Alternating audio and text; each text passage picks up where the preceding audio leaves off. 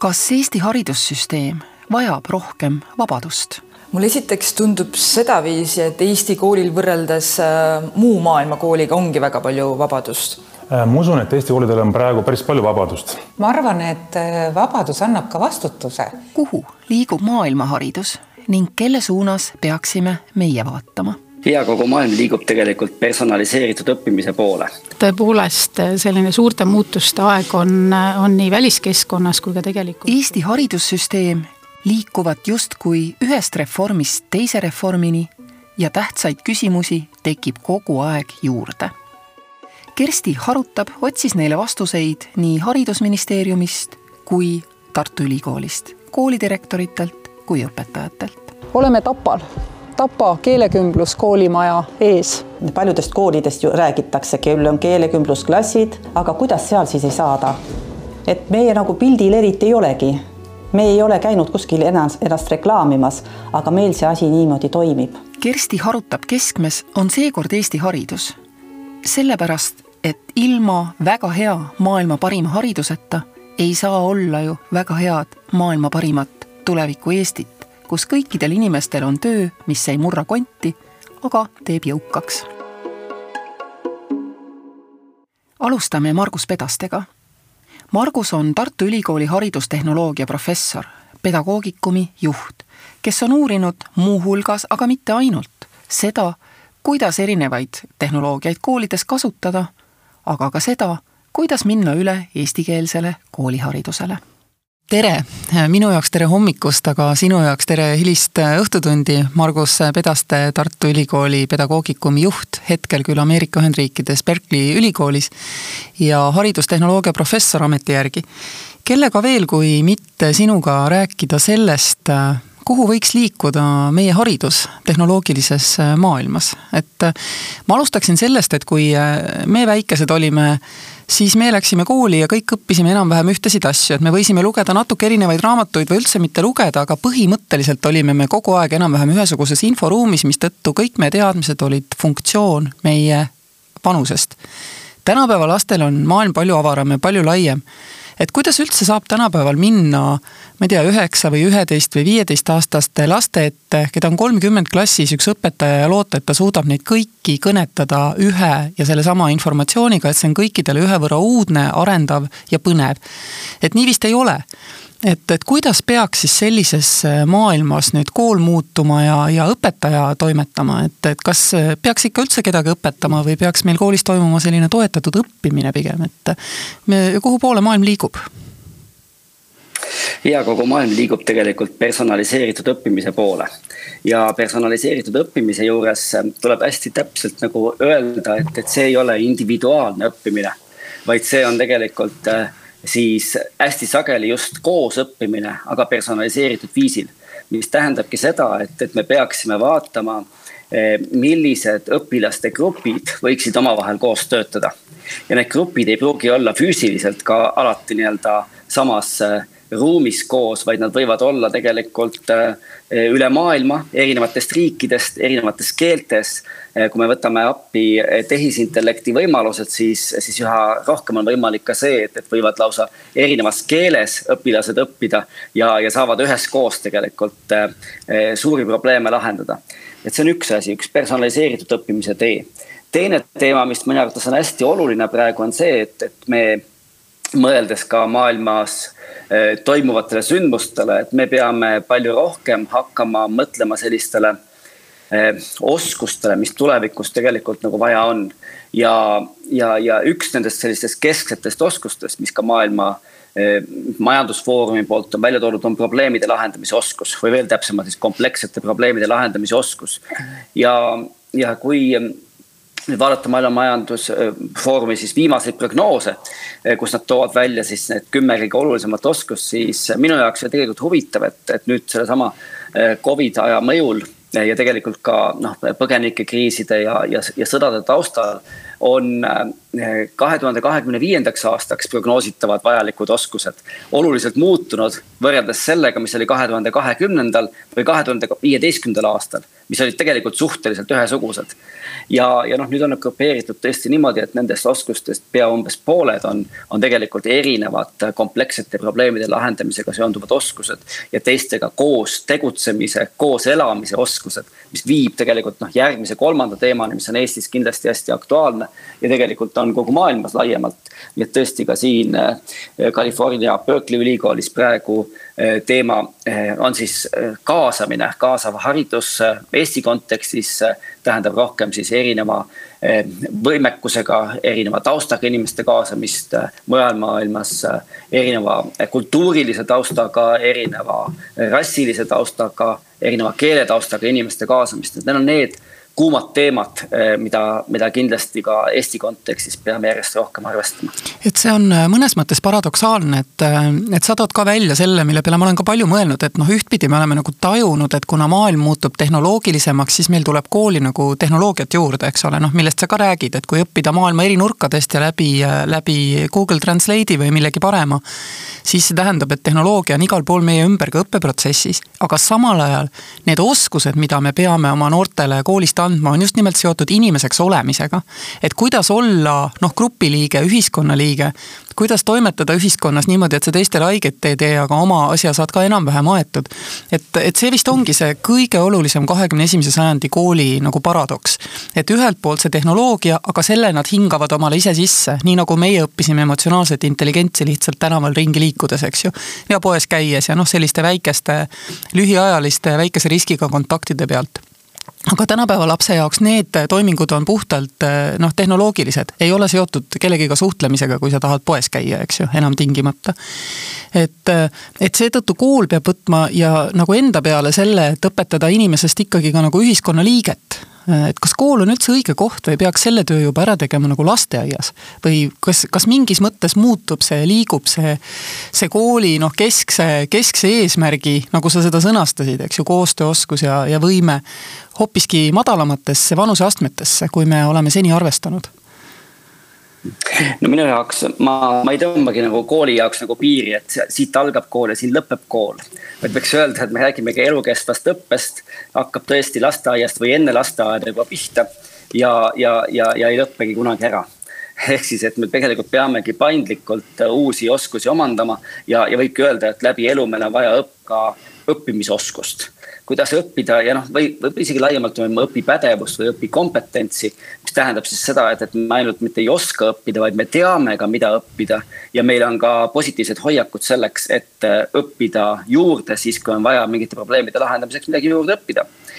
aga aga, aga mis ma äh, noh, tahtsin kõigepealt nii-öelda kommenteerida, et tõesti äh, täpselt samamoodi tundub ka praegu minule, et et, ähm, et me eh, vaatame seda tehnoloogiat äh, kui vahendit, mitte nagu eesmärki omaette ja, ja, ja selle vahendiga eh, me saame siis midagi paremat teha, midagi, midagi kiiremini, midagi koostöisemalt või, või midagi, mida, mida, mida me ennem üldse ei saanudki teha.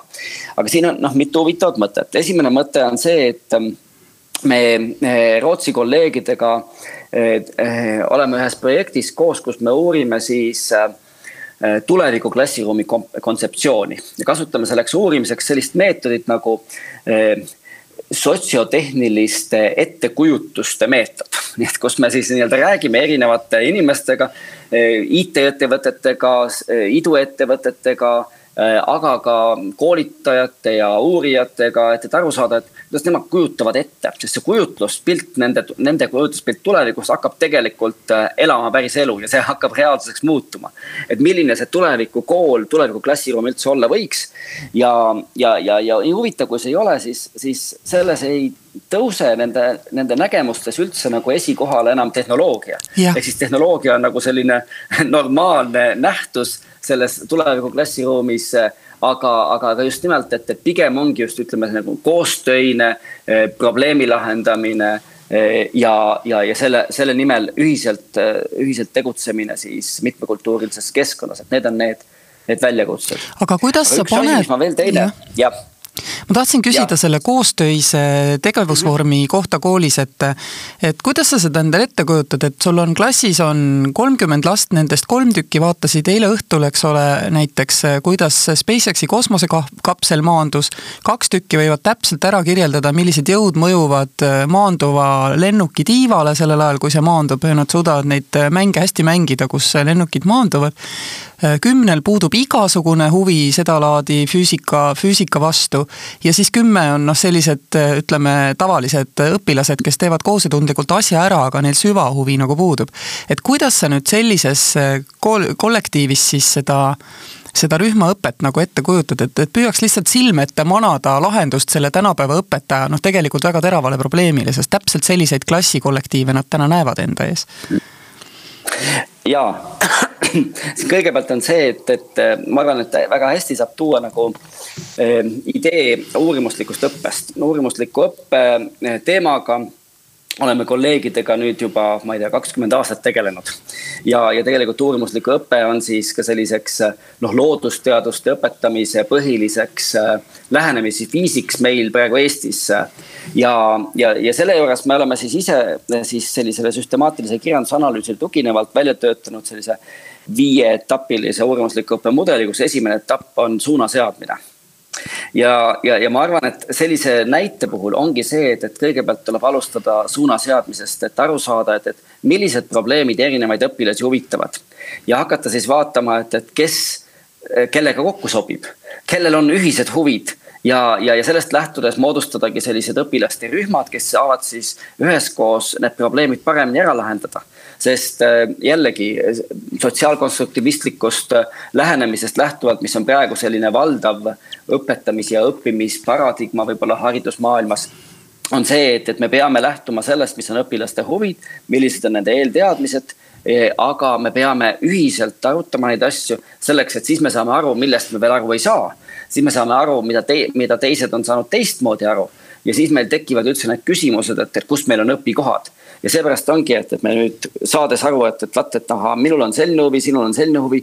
mõnel ei ole üldse huvi, eh, nagu sa ütlesid, eks ole, et, et, et siis tähendabki seda, et, et, et noh, aga tal võib-olla tekib huvi, kui teine õpilane räägib oma ideest, mida ta tahaks teha, mida ta tahaks uurida, mida tahaks lahendada eh, väga entusiastlikult, siis tulevad teised kaasa ja, ja nii on noh, lõpuks klass, klassiruum nagu peegeldus ühiskonnast. et äh, täpselt samamoodi on eestvedajad, need, kes äh, tõmbavad teisi kaasa ja need, kes on õnnelikud selle üle, kui nad saavad kaasa minna ja teha üheskoos midagi põnevat, väärtuslikku.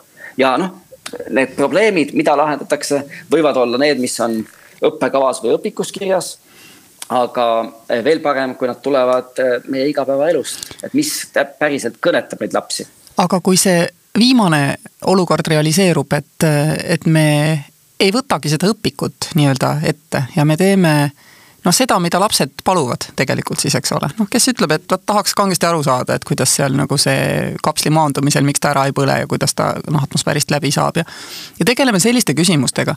ja siis, ja siis on meil kuskil ju, äh, meil on õppekava ja meil on kuskil nüüd selline olukord, et kõik lapsed kes jõuavad läbi kooliklasside, no näiteks äh, ülikoolini, Tartu Ülikoolini, siis äh, nad peavad ju näitama erinevates valdkondades mingil moel mõõdetud äh, ühesuguseid teadmisi, nad peavad olema omandanud teatud ühesugused teadmised.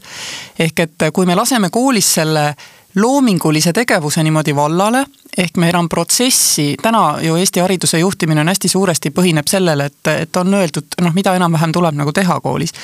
et kui me laseme selle protsessi vallale, kas see tähendab, et me peame uuesti tõsisemalt hakkama mõõtma seda lõpptulemust, et noh, me oleme vahepeal loobunud, eks ole, siin lõpueksamitest, kooli enda eksamitest, tõmmanud kitsamaks seda, seda, seda eksamite spektrit, mis on viinud ülikoolis sisseastumiseksamite taastamiseni näiteks arstiteaduskonnas uuesti.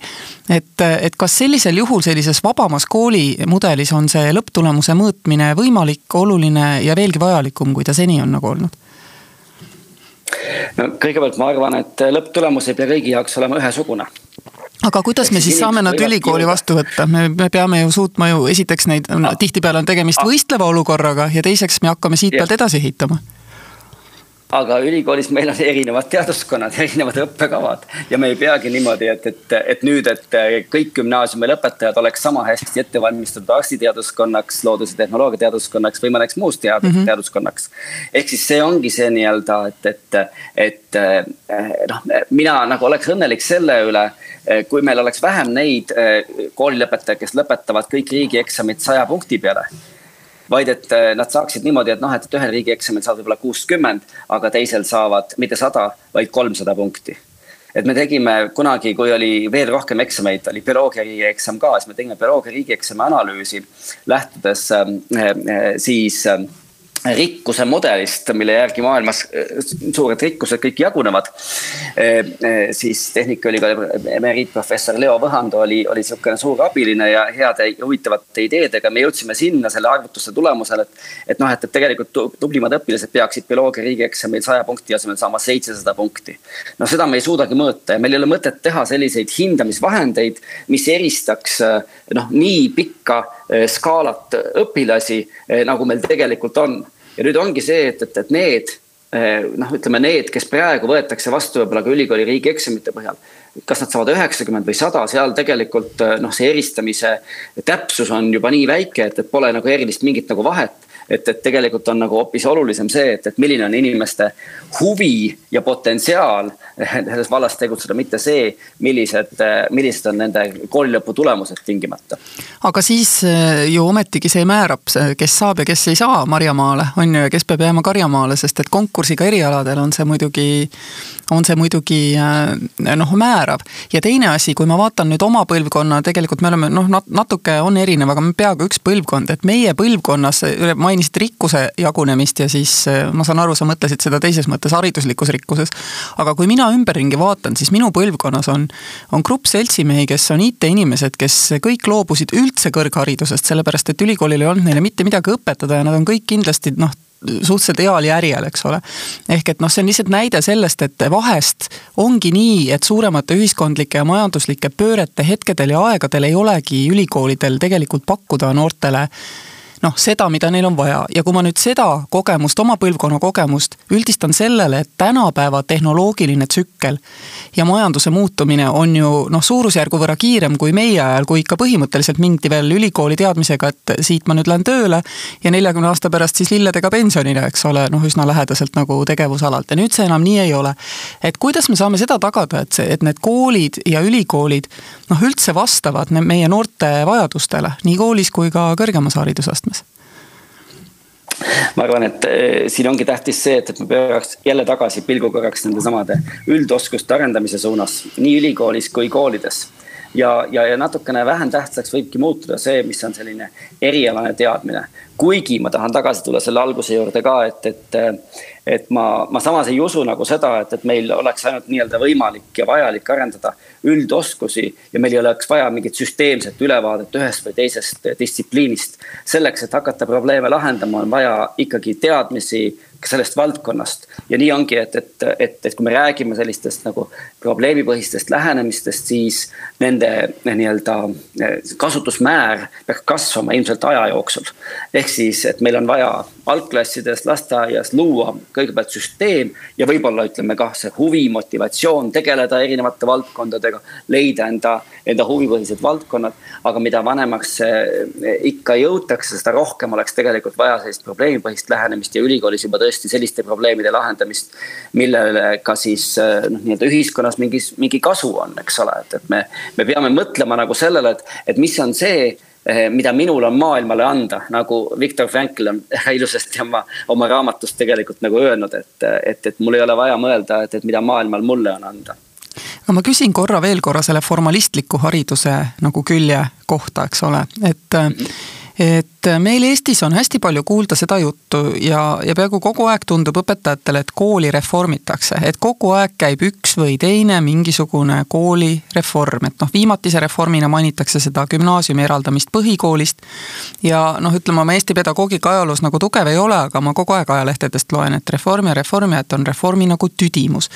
et ähm, et kas siis on meie kooli juhtimine nagu liiga formalistlik selles mõttes, et, et noh, haridusministeerium ütleb, et sellised raamid ja nii peate tegema ja siin on ka teatud kogus aruandlust. Ja kas see formalism, mis süsteemis on, segab tegemast nagu sellist kooli, mida ma kuulen, millest sina unistad või tegelikult, tegelikult see raamistik küll toetab, aga, aga, aga jätab siiski väga suure vabaduse ikkagi õpetajatele ja koolijuhtidele tekitada selline kool, noh, nagu nemad unistavad ja see jutt sellest, et ei saa on pigem seotud sellega, et ei, ei, ei osata, ei leita neid uusi tööriistu, mis kahekümne esimesse sajandisse sobiksid. et kumb see tegelikult tundub olema, ma eile rääkisin koolijuhtidega ja mõned neist olid nõus, et see formalism on häiriv ja mõned neist ütlesid, et tegelikult saab kõike teha no mina usun ka, et tegelikult saab kõike teha ja rahvusvahelisest võrdlusest näiteks noh, McKinsey raport, millega võrreldakse maailma paremaid haridussüsteeme, toob ka Eesti välja ja teised riigid, kus on paremad haridustulemused. ühine tunnus neil on, neil on just see, et, et koolidel ja sealhulgas nii koolijuhtidel kui õpetajatel on suhteliselt suur autonoomia ja see on üks selline nii-öelda paradoksaalne küsimus muidugi, et, et meie õpetajad tihtipeale ei taju seda autonoomiat. ehk siis seal võib olla see küsimus, et võib-olla ei olda valmis selle autonoomiaga toimetama. ehk siis seda autonoomiat kasutama.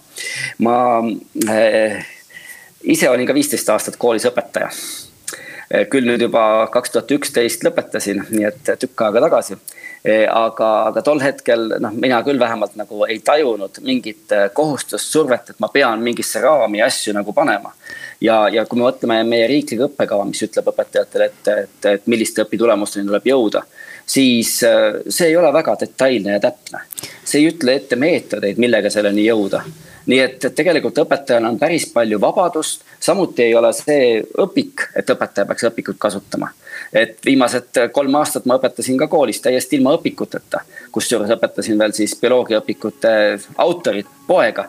et, et, et, et selles mõttes, et, et, et meil on see vabadus tegelikult olemas, aga võib-olla meil ei ole alati julgust seda vabadust kasutada aga.... ehk siis noh, me jõuame siit järgmise teemani, et võib-olla meil ongi vaja sellist julgust kasvatada alates siis lastest kuni täiskasvanuteni välja kas Eesti haridussüsteem vajab rohkem vabadust või on juba täna võimalik teha kooli täpselt niimoodi, nagu selle juhtkond heaks arvab? paremaks mõistmiseks kohtusin mitme Eesti kooli direktoriga, nende hulgas vast valminud Kindluse kooli juhi Reelika Turiga mulle esiteks tundub sedaviisi, et Eesti koolil võrreldes äh, muu maailma kooliga ongi väga palju vabadust tänasel koolil tegelikult on võimalus määrata väga palju ise oma eripärast lähtuvat, noh, ma arvan, et me tuleme tagasi selle juurde, et kool on ju äh, kohaliku omavalitsuse pakutav teenus äh, ja kohalik omavalitsus lõpuks tagab selle, et see teenus on kvaliteetne.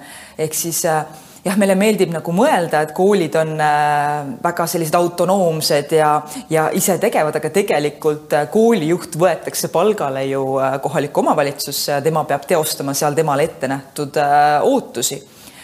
ja siin hakkabki nagu mängima natukene selline kooli juhtkonna äh, Äh, visioonitunnetus, äh, kooli juhtkonna tunnetus sellest, millises kogukonnas nad on, ehk siis mis on kogukonna ootused.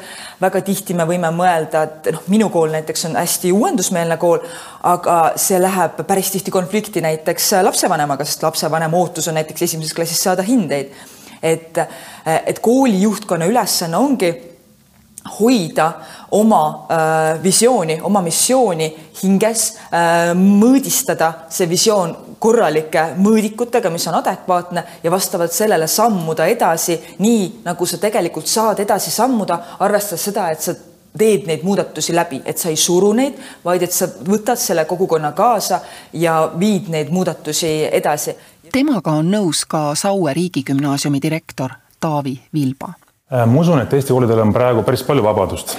et äh, mina tulen gümnaasiumiastmest, äh, kus tegelikult selline kolmandik õppekavast on täiesti vaba, et meile on antud vabad käed ja võime teha, mis tahame. ja ma usun, et ka me enda koolis oleme seda hästi, hästi asjalikult ära kasutanud. et, et me just noortele pakumegi neid valikuid, mille pärast nad tegelikult meile tulevad ja kui ma seda riigigümnaasiumit mainisin ka, siis tegelikult just uued riigigümnaasiumid ka, et olgu see meie oma Äh, või siis ka need, mis on siin sügisel varsti avatavad Tallinnas. et just nende üks selliseid põhi selliseid eripärasid või nišš ongi just noortele valikute pakkumine, et ma ise tunnetan vähemalt, et gümnaasiumis seda vabadust on väga palju. Tallinna Reaalkooli juht räägib sellest, et kui kool on vähem korraldatud protsessipõhiselt, siis tuleb seda rangemini jälgida, et tulemused vastaksid ikkagi sellele, mida meil vaja on saada. et lapsed võiksid minna edukalt ülikooli. Ma arvan, et tark on küsida ja kindlasti teha lõpueksamid just, või see lõpptule, ükskõik, kuidas me siis seda nimetame, sellepärast et eh, kui sellel teekonnal need protsessid ongi natuke erinevas rütmis, on normaalne, täiesti normaalne.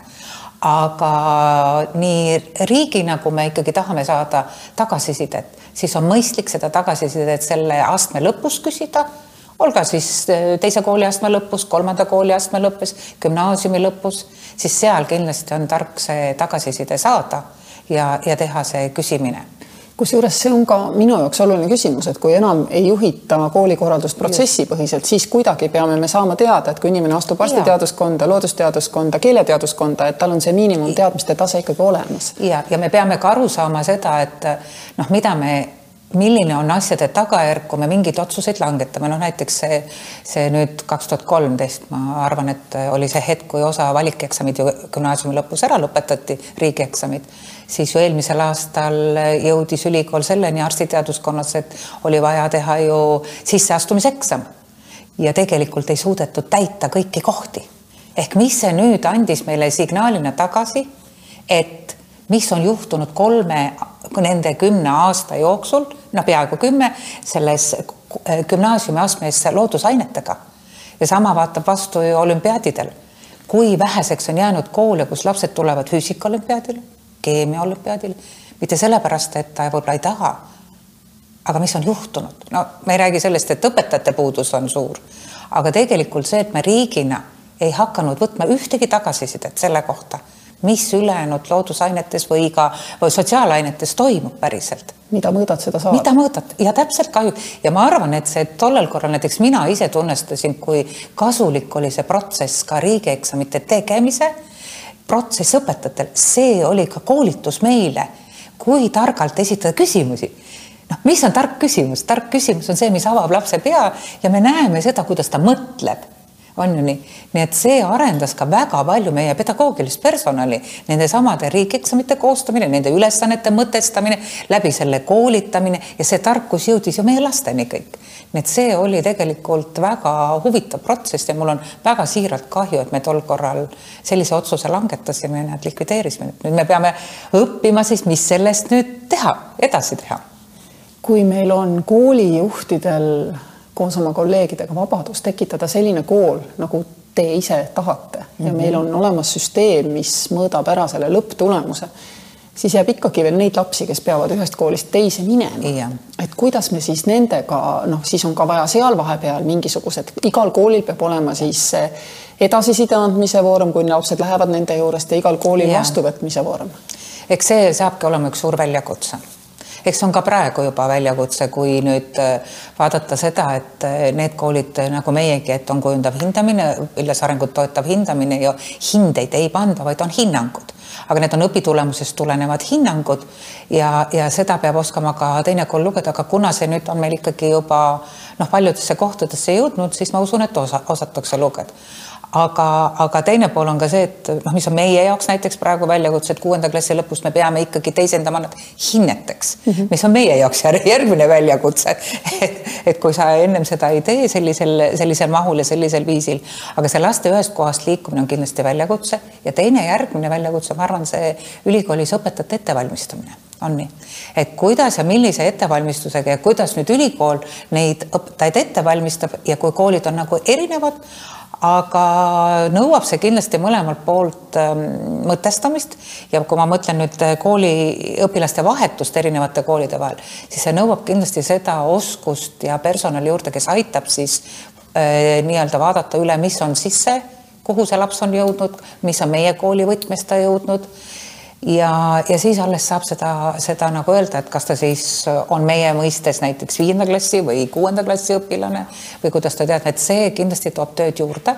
mul on veel selline küsimus, et kui nüüd kõik koolid on kujundanud omast vabast tahtest mm, -hmm. oma koolikultuuri õpetamise viisi, omad meetodid, kuidas viia laps teadmiste tasemele, siis mis seda üleval hoiab, et, et see peab ju olema ka mingisugune struktuur, kas see on juhtkond, kuidas see, kuidas see püsib, et, et see kool nüüd on selline ja see on see meie kultuur ja traditsioon mm? -hmm. eks ma arvan, raam on ikkagi riiklik õppekava praegu on mm, -hmm. raam on see ja, ja see ka praegu on raam yeah. ja ma arvan, ka edaspidi on mõistlik, et see on raam, sellepärast et muidu noh, muidu, muidu on nii, et igaüks teeb, mis tahab, no muidu ma arvan, et see ja muidugi jõuagi, kui ja ma arvan, see mm -hmm. ka ühiskonnale see ei sobitu ja ma arvan, see ei ole ka mõistlik, on nii. see on kindlasti vajalik, aga see, et äh, nüüd toetada koolimeeskondade arengut, ma arvan, see peab, see tarkus tulema koos teadlastega koos ülikooli inimestega, koos pedagoogilise mõtlemisega ja see on nüüd küll pikk teekond. et see ei sünni ühe hetkega ja ma arvan, siia vajavad küll nüüd koolid siis juurde, juurde, kas siis tekivad erinevad mudelid või ongi siis need meeskonnad, kes tulevad seda tarkust kooliga koos tegema, sest äh, see on ikka pikk protsess. riikliku õppekava üle otsustab Haridusministeerium mistõttu kohtun Haridusministeeriumi kantsleri Kristi Vinter-Nemvaltsiga tere hommikust, Kristi Vinter-Nemvalts, haridusministeeriumi kantsler, aitäh tulemast Delfiga arutama. tere hommikust. mul on hästi hea meel äh, siin stuudios äh, kohtuda inimesega, kes äh, meie ilusaid unistusi Eesti koolisüsteemi segregatsiooni lõpetamisest ellu peab viima. et räägi palun natuke sellest, kuidas sa seda täpsemalt teed ja võib-olla ka sellest, kuidas sa seda teeksid, kui äh, sul oleks äh, vabadus ja ma ei räägi siin niivõrd noh, poliitilisest ettekirjutusest, aga just ressursivabadus. nii palju raha, kui üldse maailmas vaja on, et, et äh, räägi natuke sellest, kuidas tunne on? Äh, tunne on äh, huvitav ja, ja, ja põnev selles mõttes, et tõepoolest äh, selline suurte muutuste aeg on, on nii väliskeskkonnas kui ka tegelikult ju hariduselus ja hariduselus võiks öelda, et juba mõnda aega. arvestades seda, et tegelikult on siin ju olnud viimased noh, kas just päris kümme aastat, aga päris pikalt äh, ülikoolidega ka selliste mm, innovatsioonikeskuste raames äh, väga palju mõeldud ja tegelikult ka praktilisi samme astutud selles suunas, et, et Eesti kool saaks, saaks muutuma selles suunas, mis vastab äh, nüüdisaegsetele vajadustele enam. nii et, et, et ei saa öelda, et see, mm, need suured muutused nüüd on kõik, kõik nagu praegu käi-, käima lükkamisel ja, ja kuidas seda teha, no noh ühed partnerid ma tõepoolest sain siin juba ära nimetatud, et, et päris kindlasti ei ole võimalik seda teha mitte mingil moel kabinetivaikuses ministeeriumis äh, ametnike poolt. Äh, seda on võimalik teha ainult koostöös ülikoolide, koostöös õpetajate ühenduste, õpetajate, koolijuhtidega ja tegelikult ka lastevanemate kogukonnaga selles mõttes, et kui me räägime ka väga tugevalt selle nüüdisaegse õpikäsitluse puhul, kuhu suunas me ju liigume mm, sellisest äh, mõtteviisi muutusest, no siis tihtilugu, kui need äh, muutused jäävad lahti rääkimata kooli tasandil, klassi tasandil innovat-, innovaatilisemate õpetajate poolt, siis äh, võib tulla täiesti arusaadavalt ka lastevanematelt sellist tagasisidet, et oot-oot-oot, see on nii tundlik maastik, et ärge seal tehke nii jõulisi reforme, sellepärast et see võib noh, anda tagasilöögi nagu meie laste peale, et selles mõttes on see haridusmaastiku muutmine üsna keeruline. et, et selliseid julgeid ja jõulisi liigutusi, noh nagu me ka täna näeme, tegelikult võib-olla siuksed eesrindlikud koolid, kes on võtnud võib-olla selle riski minna katsetama julgemaid asju äh, kipuvad olema pigem erakoolid äh, või siis nendes äh, kohalikes omavalitsustes koolid, kus tõepoolest on hästi teadlik selline nii-öelda hariduse juhtimine ka kohaliku omavalitsuse tasandil. nii et see on üks meeletu koostöö ja, ja ja mida me võib-olla oleme, oleme tänaseks teinud ja, ja on ka tegemisel, on tõepoolest see, et nagu ma ütlesin, et, et ülikoolid on, on sellesse innovatsiooni juba panustanud ja panustavad ka edasi, see on kõik toimunud ka Euroopa Sotsiaalfondi eh, rahade eest. aga, aga me oleme tegelikult ka, ka teadlastega koostöös eh, mõtisklenud selle üle, et ehkki meil on täna riikliku õppekava muudatused, mis on kasvanud rohujuure tasandilt õpetajaskonnast endast välja ja, ja täna sellisel avalikul arutelul noh nii-öelda järgmist sammu astumas, siis päris kindlasti ei saa me kukkuda sealt sellisesse staatilisse olekusse, et sealt midagi edasi ei juhtu. et siis me tegelikult tuleme juba selliste äh, uute kontseptuaalsete lähenemistega äh, nii õpetajaskonna ette, tea, kohalike omavalitsuste ette, ette, lastevanemate ette, et arutleda siis selle kooli ähm, arenduste edasisuunamise viise. aga kui me nüüd sellest kooli innovatsioonist räägime, siis noh, me saame vist aru, et kuulajal oleks ka selge, et probleem on selles, et kui me vaatame, noh, võtame näiteks, läheme täna haiglasse, siis see ei näe üldse sedamoodi välja nagu doktor Puusepa kirurgiakliinik, eks ole mm, -hmm. kunagi omal ajal. kui me läheme täna lennujaama, siis see ei näe välja nagu lennujaam aastal kuuskümmend viis, üldse mitte, kui me läheme täna poodi, siis see ka ei näe välja nii, nagu ta nägi välja aastal seitsekümmend ja kui me läheme täna kooli, see näeb kahtlaselt samamoodi välja nagu siis, kui Luts Kevade kirjutas. et see on see, millega me tegelikult täna tegeleme. E, just, üks asi on, on koolikeskkond, mis võimaldaks teistsugust äh, õppimist ja õpetamist. ja, ja jällegi, et, et kindlasti Eesti koolid ei ole kõik äh, ühetaolised, aga ma olen nõus, et valdav on ikkagi selline äh, traditsiooniline klassiruum, mida me oleme harjunud oma, oma kooliajast äh, nägema. et et, et selles mõttes kindlasti see keskkond peab muutuma, aga eelkõige see mõtteviis, et mis siis on lõppkokkuvõttes see, see, see kõige olulisem osa sellest haridusest, mis peab tulema elukestvalt inimesega kaasa, et et täna kindlasti on vaeslapse osas sellised äh, nii-öelda üldpädevused, äh, inimeseks äh, kasvamine ja, ja, ja võib-olla see mm, noh, ka õppekavade innovatsiooni pool peabki tulema eelkõige sealt, et kõik see, mida me ainealaselt teada saame, peab olema läbi põimitud sellega, kus meil igapäevases elus seda vaja on. ja, ja ikkagi sinna juurde ka alati see, see pool, et kes me inimestena oleme, mis on meie tugevused, nõrkused, ise oma, oma õppimist ja edenemist äh, planeerima, õppima, õppima, see kõik peab käima ka selle aineõpetuse kõrval ja selle juurde. kusjuures mul on selle üle hästi hea meel, sest et äh, mina olen noh, mis puudutab kooli ja õpetamist, siis esiteks ma olen väga kriitiline, mul on omal väga halb koolikogemus. ja teiseks ma noh, ei tea sellest valdkonnast midagi, aga mulle hakkas ka tunduma ühel hetkel, kui noh, inimesed konverentsidel arutavad ja arutlevad nende asjade üle, et, et tegelikult see kõige kriitilisem asi on see inimeseks olemise õppimine mm, -hmm, sest et tänapäeva tänane tehnologiseeritud elu võimaldab äh, meil noh, ütleme minna läbi elu nii, et me peaaegu ei suhtle, aga siis me ei saa ühiskonnana toimida, ehk et tegelikult palju tähtsam, kui võib-olla intuitiivselt tundub, et noh, et kui on tehnoloogiat palju, siis peab õpetama seda palju. aga tegelikult on nii, et, et me peame juba lasteaias hakkama õpetama lastele, kuidas kehakeelt lugeda, kuidas saada aru, et keegi on kurb, mida tähendab, kui keegi on kurb. milline, mismoodi on noh, kui inimene on segaduses, kuidas teda aidata, kui sa oled ise segaduses, kuidas abi otsida. et, et sellised asjad on, on hoopiski tähtsamad selles kahekümne esimese sajandi sajandi koolis, et me ühiskonnana ära ei laguneks. ja mulle tundub, et kahjuks on, on selline taju olnud õige ja natuke hilinenud, sest muidu me ju ühiskondadena nii ei laguneks, nagu me täna tegelikult näeme, seda hästi suurt sellist noh, polariseerumist ja ja me ei oska toime tulla tegelikult enam, enam ühiskonnas noh, sellise seltskonna et me saame kõik kokku, arutame ja siis valime oma suuna, me ei oska seda teha. välja arvatud, kui meil on hästi suur ühine vaenlane, eks ole mm. -hmm. siis kolmkümmend aastat tagasi oskasime, täna oskavad ukrainlased, valgevenelased, eks ole, mingis moe, mingil moel.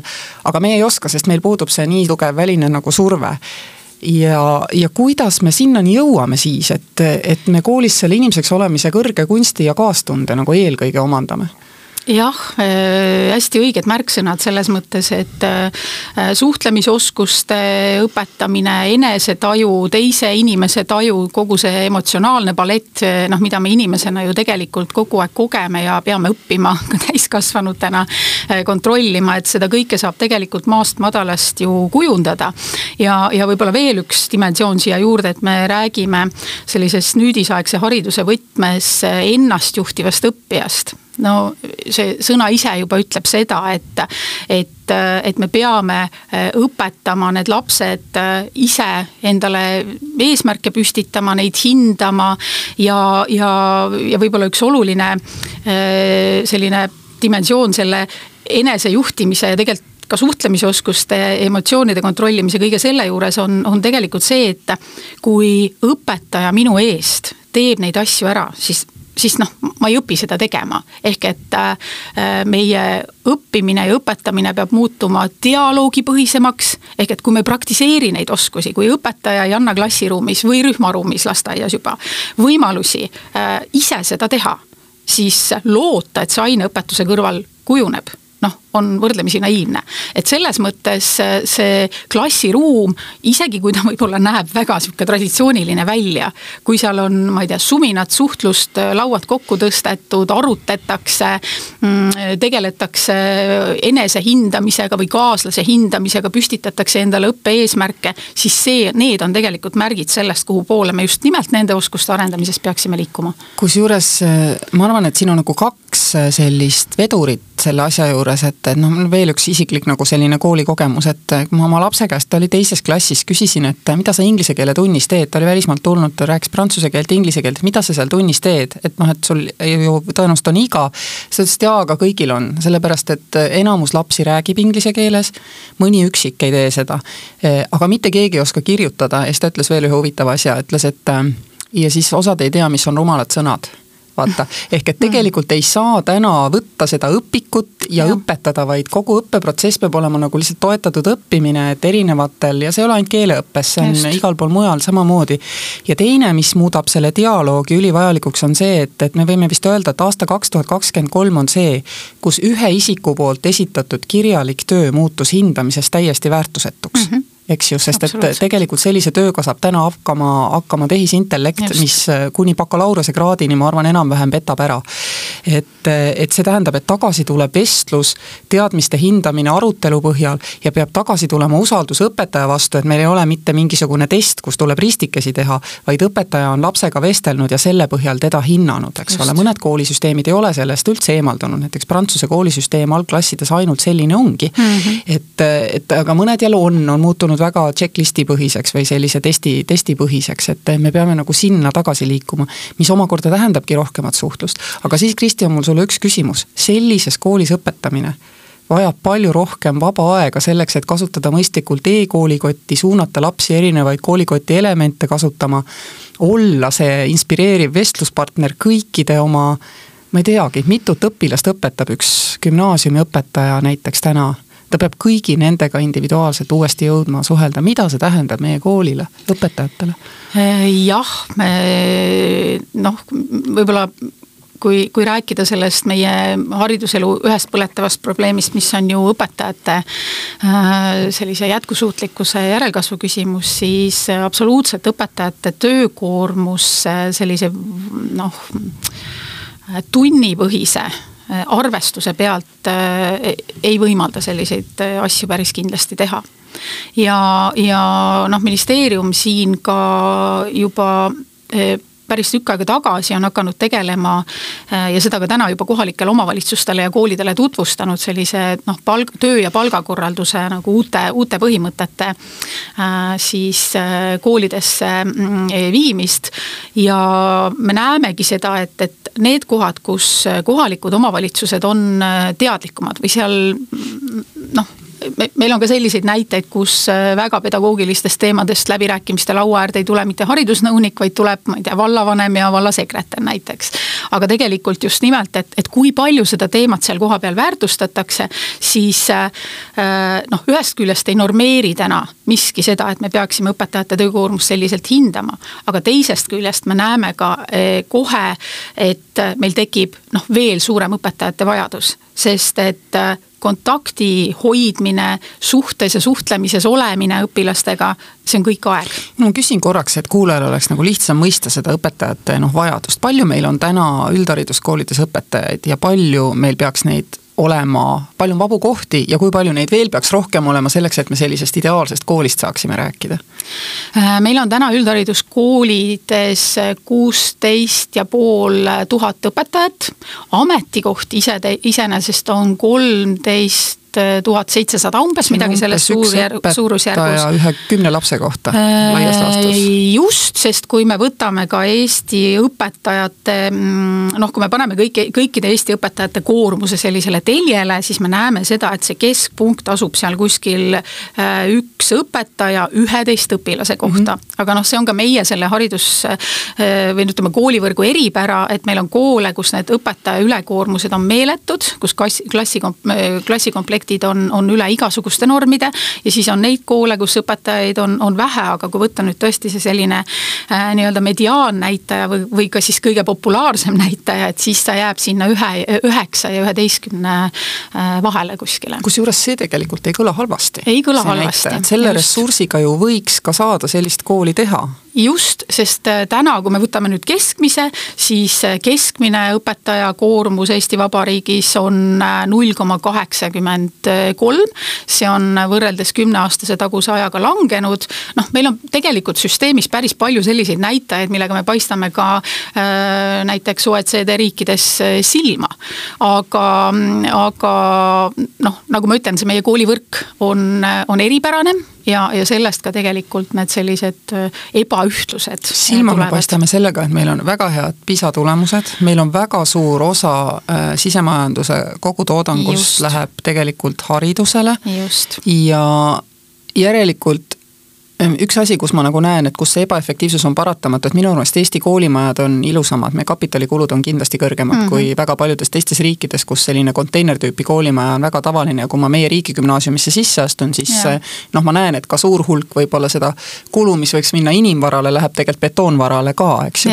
et, et see on see ebaefektiivsuse koht, mida ma näen noh, süsteemis sees, aga kusagil peab järelikult veel olema mingisugust ebaefektiivsust ja see tuleneb, ma saan siis aru sellest, et meil on hästi ebaühtlaselt jagunenud see koolivõrgus õpetajate, õpilaste suhtarvud. just, ja, ja, ja noh, see väljendub ka selles, et kui me tahame näiteks äh, mõnes äh, noh, mitte, mitte Tallinnas või Tartus, sellistes suuremates linnades õpetaja äh, sellist koormust mõistlikult täita, siis ta peab näiteks kolmes või neljas koolis oma ainet andma, et, et need noh, tekivad sellised keerukused kogu sellesse pilti, ehkki statistika on justkui ilus. aga siis äh, tegelikult äh, ei tähenda ju see, et kodulähedane kool oleks võimatu, ma mäletan, et kui ma Tartu Ülikooli nõukogus töötasin, siis meil oli nõukogu liige Agu Sorainen, kes on õppinud äh, Helsingi lähedal suhteliselt, äh, seitsmekümnendatel ilmselt siis äh, sellises algkoolis, kus oli kaks õpetajat, abielupaar, eks ju mm. -hmm. ja nemad andsidki ära selles kodulähedases koolis kahe peale kõik need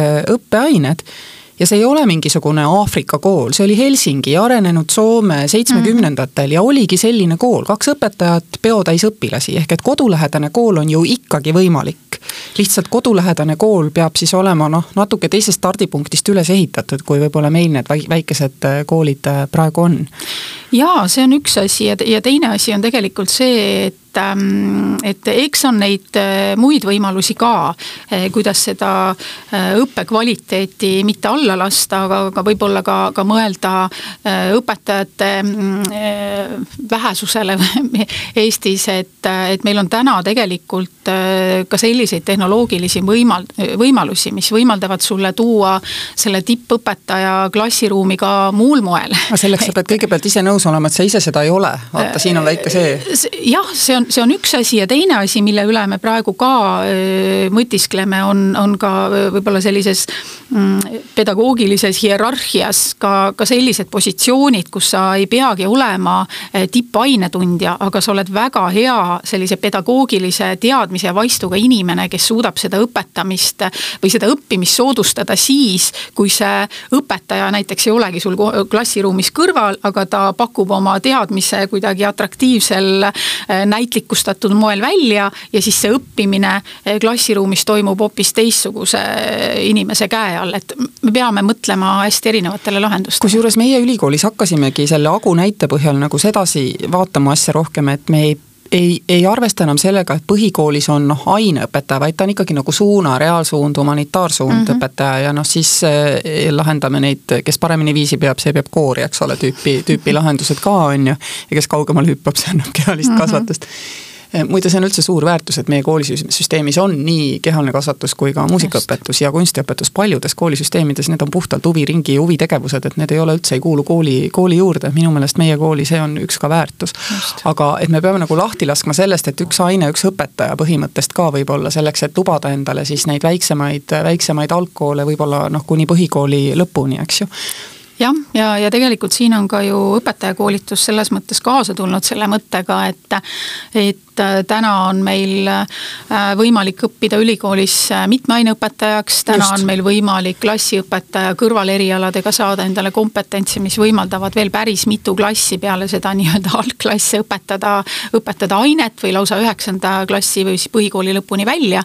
nii et need võimalused on ka tegelikult olemas. kusjuures ma ei tea, kuidas teised kõrgkoolid selleni on jõudnud, aga ma mäletan jah, kuidas me kaks tuhat üksteist Tartu Ülikoolis seda arutelu nagu pidasime mm -hmm. ja jõudsime sinnani, et, et, et see ongi meie tulevik. aga sellegipoolest äh, täna ütlevad meil väga paljud koolijuhid, et neil on puudu no peaaegu kõikide ainete õpetajatest, et nad ei leia ei füüsikuid ega inglise keele õpetajaid, eks ole, igast äärest, ei ole ainult nii, et, et STEM on puudu või raken- või reaal on puudu ja, ja kõik humanitaar on olemas, et.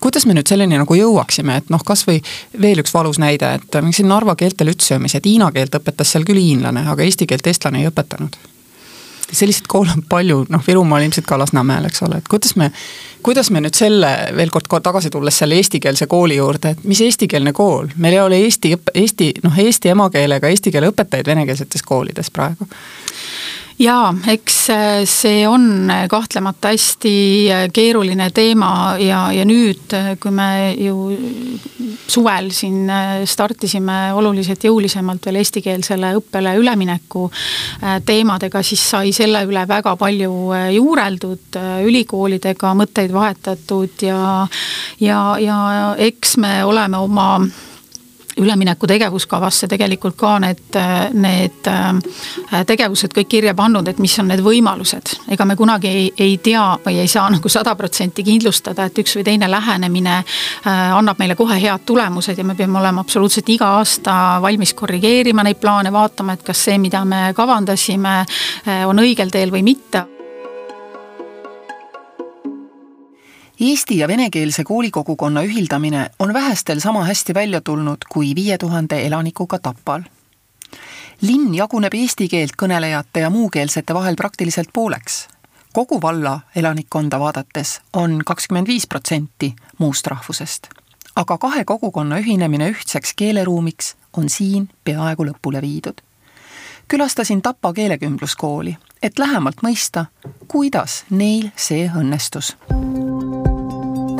see klass, vot ma ei oska nüüd öelda, nad on juba kaksteist klassi juba lõpetanud ja, ja, ja juba paar aastat tagasi, aga nende lapsevanemad olid need, kes olid nõus sellega, et algavad, alustavad varase keelekümblusega, see tähendab esimesest klassist alates kõik tunnid eesti keeles, teise klassi teisest poolaastast tuli eh, vene keel kui emakeel nendele juurde. Ja siis viiendast ja kuuendast klassist oleks võinud minna teatud ained vene keeleks venekeelseks, aga õpet-, tähendab lapsevanemad eh, ei soovinud seda. ja sellest alates me ei olegi, varane keelekümblus, kui me oleme selle klassi avanud, me ei ole kunagi läinud enam venekeelseks. et siin tegelikult, kui lapsevanemad on saanud valida ja see valik on olnud võimalik, on valinud eestikeelse koolisüsteemi, eestikeelse hariduse pigem. ja minu meelest väga oluline ongi see ja kas oluline, võib-olla väga hea on see, et lastevanematel on olnud siin võimalus. Kui ma tahan, ma panen ta keelekümblusesse, kui ma tahan, viin ta eestikeelsesse kooli, et see valikuvõimalus ja ja ma loodan väga, et see valikuvõimalus jääb veel mitmeks aastaks tõesti, et see on juba kuusteist või seitseteist aastat tagasi, kui me alustasime keelekümblusega ja see nagu paneb mõtlema ka seda, et siin praegu kogu aeg äh, kõik muretsevad, et, et kas lapsed saavad hakkama ja et kas nad suudavad eesti keeles õppida. et meie see pikk kogemus ütleb, et jah, saavad hakkama et äh, kui me alustasime, siis meie esimesed, kaks tuhat neli, siis meie esimesed lapsed ähm,, ma mõtlen, lastel ei ole hirmu hirmud on vanematel ja ma mäletan, kuidas me selgitasime koosolekutel ja kutsusime, rääkisime nendega. see keelekümblus töötab, et on võimalik õppida, natuke teistmoodi peab lähenema muidugi õpetamisele. Ja tänaseks need lapsed on juba täiskasvanud Nad on täiesti integreerunud, lõimunud Eesti ühiskonda, nende lapsed käivad kas Eesti koolis või meie koolis siin keelekümblusklassides, et see töötab, et ei maksa karta. ja meil on kahesuunaline klass ja ka kahesuunaline keelekümblusprogramm algab juba lasteaiast, kus siis juba äh, lasteaial on suur töö kutsuda ja muretseda lapsi ja õnneks on olnud niimoodi, et Eesti lapsevanemad on ise omal nahal aru saanud, et, et see, kui nad hakkavad äh, eesti koolis õppima vene keelt, et sellest ei ole, ei ole piisav, ütleme siis nii, et keelt vabalt minna kuskile riiki ja suhelda selles keeles ja nad tahtsid oma lastele paremat, et nad õpiksid loomulikul teel ja keelekümblusprogramm on selleks kõige parem. lähiajal saab Tapa koolisüsteem ka formaalselt ühtseks eestikeelseks Tapa gümnaasium ja Tapa keelekümbluskool sulavad kokku. see tähendab, et segregatsioon Tapal on koolis lõppenud.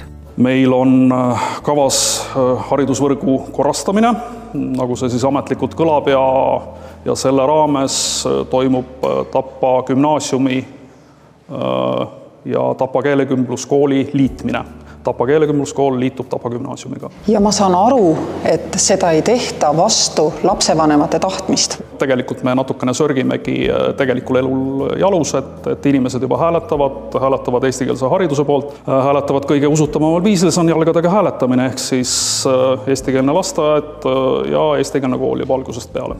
ehk et tegelikult Tapa juhtum näitabki seda, et segregatsiooni lõpetamise vastu on eelkõige see kogukond, kes segregatsiooni all kannatab, ehk siis Äh, teiskeelne kogukond ja see arvamus, et, et venekeelsed lapsevanemad ei taha, et nende laps õpiks eesti keeles, vähemasti Tapa näitel paika ei pea. ma usun, et see ei ole juba ammu niimoodi, ei ole Tapa näitel, ei ole tegelikult ka terve Eesti näitel. aga see võiks ju meie otsustajaid äh, ja juhtijaid julgustada äh, kiiremini toimetama ka sellistes kogukondades nagu Tallinn, Lasnamäe, Narva, Kohtla-Järve, Sillamäe seda koolisüsteemi kohandama?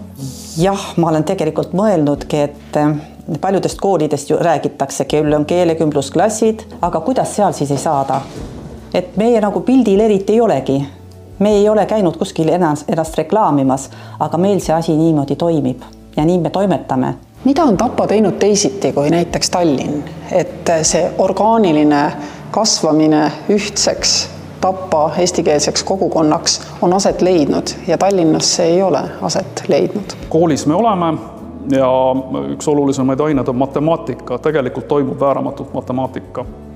et kui me kasvõi vaatame koolide õpilaste numbreid, eestikeelses koolis Tapa gümnaasiumis on ta viissada nelikümmend pluss, siin keelekümbluskoolis, mida siis on teatud kuni viimase ajani, no räägin siis ütleme eelmise kümnendini Tapa vene koolina, et siin on sada viiskümmend pluss õpilast, et tegelikult, tegelikult vääramatult matemaatika panebki selle paika Äh, panebki Eesti riigi küpsemine, kasvamine ja, ja ka see, et Eesti riik ennast kehtestab.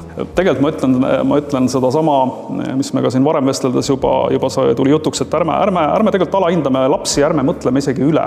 Et, et lapsed, kui teda mitte mõjutada kategooriliselt vastassuunas, kui ta nagu pool päeva ei kuule eestikeelset kõnet ja siis pool päeva seda, kuidas tal seda vaja ei ole, siis kindlasti ei jää see laste taha. et võib-olla kui üldse töötada, siis pigem, pigem lastevanematega, et just seda lastevanemate hirme nagu, nagu äh, kuidagi lahustada ja leevendada, et lapsed saavad hakkama, selles mul ei ole mitte mingit kahtlust. Kuulete taas vestlust Margus Pedastega? Noh, et lõppude lõpuks meie põhiseadus ütleb, et Eesti noh, riik on loodud selleks, et keel, kultuur, eks ole, noh, säiliks, komberuum on meil, meil ka üsna selgelt nagu välja kujunenud, noh, võib-olla see võiks avarduda ja olla, olla mitmekesisem, eks ole, aga, aga me põhimõtteliselt ju tahame, et Eesti elu toimiks ja jätkuks eestikeelsena meil on täna siin riigis äh, noh, teadaolevalt vähemasti viie protsendi juures äh, põgenikke, kes, kellest ma arvan, osad ikka jäävad meile, meil on meie muukeelsed kogukonnad, kes on senini saanud hakkama eesti keelt oskamata, sest et meil on ka kakskeelne koolisüsteem. ja nüüd me oleme otsustanud seda muuta. ja mulle tundub, et meil on täna nagu kaks erinevat lähenemist sellele, et üks on see lähenemine, kus öeldakse, et paneme, toome kõik lapsed ühte kooli, ühte klassiruumi nagu kokku ja see on tegelikult seaduslik lähenemine, sellepärast et Eestis ei tohi öelda, noh, laps tuleb kooli, sa ei tohi öelda, et mine venekeelsesse kooli, sest su vanemad kodus räägivad sinuga vene keelt, eks ju, või vastupidi. et mine eestikeelsesse kooli, sest su vanemad räägivad kodus eesti keelt, et meil tegelikult igal lapsel on õigus saada eestikeelses koolis koht, sõltumata sellest, mis keeles kodus ju räägitakse. aga reaalsus täna see ei ole. ja siis on see teine mõtteviis, mis ütleb, et õpetame venekeelsete koolide õpetajatele eesti keele korralikult selgeks, las nad õpetavad ise venekeelsetele lastele eesti keeles neid kooliaineid ja siis niimoodi me teeme selle ükskeelse Eesti koolisüsteemi ära. et äh, mulle tundub see teine lahenemine noh, ebaõiglane ja ka võimatu sisuliselt ja see esimene jällegi kättesaamatu, et et kuidas me peaksime liikuma noh, selles suunas, et meil oleks see mittesegregeeriv koolisüsteem lõpuks ometi olemas, pärast seda, kui me oleme kolmkümmend aastat käinud nagu kassid ümber palava pudru selle küsimusega see teine variant kirjeldas endiselt segregatsiooni jätkumist. et selles mõttes teise hea meelega välistaks ja, ja esimene on igati kooskõlas sellega, mida me siis ka Tartu Ülikooli, teiste ülikoolide ja partneritega koostöös RITA-ränne projektis uurisime ja välja pakkusime erinevad koolimudeleid erinevate Eesti piirkondade jaoks, sõltuvalt sellest, et millised on sealsed olud. selles mõttes, et, et kui palju seal on erineva keeletaustaga, kultuuritaustaga inimesi. ja, ja kui me räägime, et lihtsalt noh, keeleõppest, siis see on üks küsimus, aga, aga, aga olulisem siin isegi ongi just nimelt eh, nii-öelda eh, kultuuride tundmaõppimine mitmekesisuse tundmaõppimine ja kultuuritundlik õpetamine, et me, et me märkaksime tegelikult eh, erineva kultuuritaustaga inimesi ja lõpuks äh, see ei ole ainult eesti ja vene. Äh, ma ei tea neid arve peast, aga üle saja erineva äh, rahvuse esindaja on meil Eestis, kes kõik tegelikult ju tahavad säilitada ka oma kultuurilist identiteeti. see ei tähenda, et neil peab olema üks identiteet. Me võimegi rääkidagi sellest, et inimestel võib olla mitu identiteeti, ma võin olla äh, Eh, eh, ühe rahvusidentiteediga ja Eesti riigi identiteediga, mis on kindlasti hästi nagu oluline teema. me tahame, et kõik need, kes, kes Eesti, Eestiga ennast pikemalt seovad, mitte eluks ajaks ei pea nad siduma, aga pikemalt seovad, et nad omandaksid ka Eesti riigi identiteedi. väärtustaksid Eesti riiki, selle kultuuri, tunneksid seda ja nii edasi. ja kui eh, vene kultuuritaustaga õpetaja õpib eesti keele ära aga ta ei taju, tunneta seda Eesti kultuuri, siis, siis, siis ei kandu see sealt niimoodi edasi. kusjuures see tuli meil on... väga ilusti esile, näiteks kui ma käisin Narvas rääkimas pärast Narvas tanki teisaldamist Narva inimestega, siis sai üheselt selgeks see, et et noh, meie jaoks loomulikud teadmised, et noh, ütleme, et see, et see Rootsi-aegne Narva lõppes sellega, kui algas Narva ehitamine noh, suureks tööstuslinnaks ja et, et, et see oli noh, selline steroididel põhinev protsess. ja et, et need asjad, need vaated ongi nagu erinevad erinevad või, või see meie trauma seoses Teise maailmasõjaga. Et, et noh, see ei ole jõudnud täna tegelikult meie teisest rahvusest ka kaastundlike kaasmaalasteni mitte, sest lihtsalt neil puudub igasugune võime, võimalus seda infot saada, sest kuna nad on teises keeleruumis ja teises kultuuriruumis, siis see ei tule noh, neile loomulikult, aga meie võib-olla oleme arvanud, et peaks ju tulema, sest et noh, ütleme, info on vabalt kättesaadav, eks ole. aga tegelikult me istume ikkagi väga erinevates nagu karpides, et selles mõttes see, mida sa kirjeldad, on täpselt õige ja praktikas täna noh, ütleme, ma ei tea, kas mõõdetav, aga tunnetav jah, see ongi hästi-hästi kurb ja, ja noh, tõesti kurb on see, et, et, et noh, see on kolmkümmend aastat niimoodi kestnud ja saanud kesta. aga mis me teeme nüüd? et, et, et selle mis me teeme, ma eh, selles mõttes minu arust ongi esimest teed on vaja edasi minna. ja, ja, ja tulebki nüüd mõelda, et noh, mis on nagu lahendused erinevates kohtades. Tallinnas on võib-olla lihtsamad lahendused, sest Tallinnas ongi see, et, et me noh, saamegi asutada järjest eestikeelseid koole ja, ja võtta sinna kõiki õpilasi.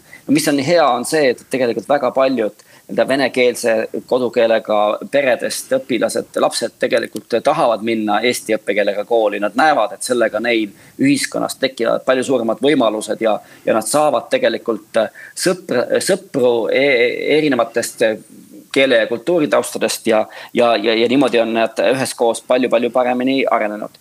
Aga, aga noh, omaette keerulisemad küsimused on tegelikult tõesti nagu Narva ja, ja Ida-Viru puhul, eks ole, kus ongi eh, noh, väga väike protsent neid inimesi, kellega koos oleks võimalik üldse reaalselt suhelda, lihtsalt füüsiliselt. aga kusjuures Narva on just see ja. linn, kus Katri Raik tegelikult eh, on võtnud aluseks, ta on ainuke poliitik ka, keda ma tean, kes kindla peale on, tsiteerib seda, seda sinu juhitud uurimust ka või sinu, sinu esitletud uurimust, et kuidas eri Eesti nurkades teha seda eestikeelset kooli. ja noh, seal on veel Irene Käosaar ja teised, eks ju, tuntud selle valdkonna nagu inimesed olnud, olnud seltsiks. ja täna ei ole Narva meil probleem, aga meil just nimelt on probleem Lasnamäe, sellepärast et noh, sa ütled küll, et siin on lihtsam, et lihtsalt tuleb neid eestikeelseid koole asutada, aga tegelikult mulle täna tundub, et Tapa on juba lahendanud, Valga on juba lahendanud, Narva lahendab järgmisena. on veel noh, keeruline on Sillamäe, kus peaaegu üldse ei ole eestlasi. ja siis on keeruline Lasnamäe mingil põhjusel, et, et, et, et miks see niimoodi on? Äh, ma arvan, äh, et, äh, et see on juhtimise küsimus. me arutasime RIT-Arene projekti tulemusi ka Tallinna linnapeaga, aga see ei viinud nagu selliste otsusteni, et, et me oleks võinud nagu nüüd ütleme midagi sellist, nagu praegu noh, Narvas tehakse, ka Tallinnas teha. aga, aga ma usun, et see on nagu võimalik ja, ja noh, eks linnapead vahetuvad, tulevad uued linnapead ja, ja, ja tulevad uued mõtted ja, ja, ja ühel hetkel nähakse, et, et tegelikult on mõistlik ja, ja väärtuslik kõigile inimestele see, kui me, kui me õpime üheskoos. kuulete taas arutelu Kristi Vinter-Nemvaltsiga Narva vanemad otsivad äh, Ida-Virumaal maakoole internaadiga, et panna oma laps jumala eest eesti kooli, sest mm -hmm. neil on mhm. tohutu suur eestikeelsete koolikohtade puudus. ja nad tahaks, et laps oleks siis selles eestikeelses keskkonnas, et kas me selliste kogukonna noh, isevoolu tekkinud protsessidele noh, jõuame appi, sest et see kõik on ressurss, et noh, me oleme päris palju arutanud siin, et. et mõnigi kool on kurtnud, et lubati justkui ma ei tea, sada tuhat ja siis ei antud, et, et noh, mhm. toetada, et kuidas me nagu appi jõuaks kogukonnas toimuvatele protsessidele, mis on ju head, aga nad on erinevad, nad ei ole jällegi normeeritavad selles mõttes, et nad ongi noh, rätsepa lahendused. just, jaa, e, päris kindlasti ja, ja, ja noh, nüüd jällegi äh, osundades ka sellele üleminekule, me oleme Ida-Virumaal ikkagi ka kohalike omavalitsustega olnud sellel sügisel äh, väga palju kontaktis ja noh, siin on olnud juttu äh, Lüganuse koolist ja, ja, ja, ja koolide riigistamisest, et, et tõesti noh, need on nagu sellised nii-öelda e-, eraldi teemad, aga ministeeriumi inimesed, kes on tegelenud nende küsimustega, on päris kindlasti nõus ja, ja, ja valmis minema koha peale ka neid nii-öelda rätsepalahendusi läbi mõtlema, sest et me näeme, et Eesti on küll väike, aga selle, selles suhtes on ta ikkagi väga variatiivne kõikides oma, oma hariduse pakkumise võimalustes, kooli võimalustes, õpetajate võimalustes. nii et, et ega ma siin muud head retsepti soovitada ei oska, kui tõesti, et kui on kuskil sellised trendid märgata ja on vaja kaasamõtlemist, siis me kindlasti seda teeme äh, heal meelel. et võimalik, et kõik asjad lihtsalt ei jõua ka ministeeriumisse või jõuavad juba siis, kui nad on läinud väga hulluks. jah, ja siis on juba raske neid suhteid siis, uuesti uuesti, uuesti siluda. et, et, et me võikski nagu julgustada kõiki, kõiki koolijuhte, kõiki haridustöötajaid, et, et räägime rohkem omavahel. et, et siinkohal võib-olla võiks neid julgustada selle võttega, et kuidas me oleme Eestis väga keeruliste ja valusate küsimustega tegelemise nagu toimima saanud, et, et ma mõtlen Maraku võrgustikku, mis tegeleb, eks ole, raske perevägivalla juhtumitega piirkondades. ja pilootprojekti esimene järeldus oli väga julgustav, see oli see, et rahast ei olnud puudus, aga inimestel pidid olema inimesed inimeste telefoninumbrid ja nad ei tohtinud kõhelda neid ka õhtusel ajal nagu valimast, eks mm -hmm. ole. et, et see on see, et suhtleme rohkem omavahel, tõstame õpetajate palka ja toome selle, loome õpetajatele seeläbi, et teised õpetajad tulevad veel kooli, kes täna seal ei ole, loome neile selle ajalise ressursi, et teha sellist kooli, nagu lastel oleks tore, kogukond toetaks. ja tegelikult ka need õpetajad ise ütlevad, et nad väga tahaks teha sellist kahekümne esimese sajandi kooli, aga neil on lihtsalt täna ressursipuudus, mille nimi on aeg. kõige suurem ressursipuudus on aeg, et kas see võiks olla see kokkuvõte meie, meie, meie koolisüsteemi olukorrast ja tulevikust?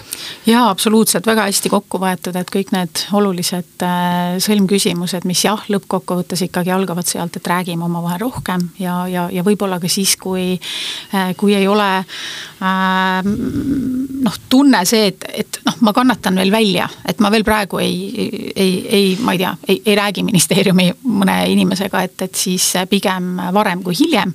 sest tõesti, et pärast nii-öelda süvenenud probleeme on oluliselt keerulisem lahendada, nii et väga hea kokkuvõte. me eestlastena oleme ise sellised natuke, et ma saan just, veel hakkama, et ma nagu ei otsi, ma ei lähe ja siis peale selle on see kaebamine, kui ma lähen kuhugile, lähen valla mm -hmm. haridustöötaja juurde ja ütlen, et kuule, minu meelest me võiks meie koolis midagi paremini teha, et nii lapsevanem kui ka õpetaja, noor õpetaja tunneb, et siis ta läheb nagu kaebama, eks Just. ole, veel hullem, ministeeriumisse kaebama.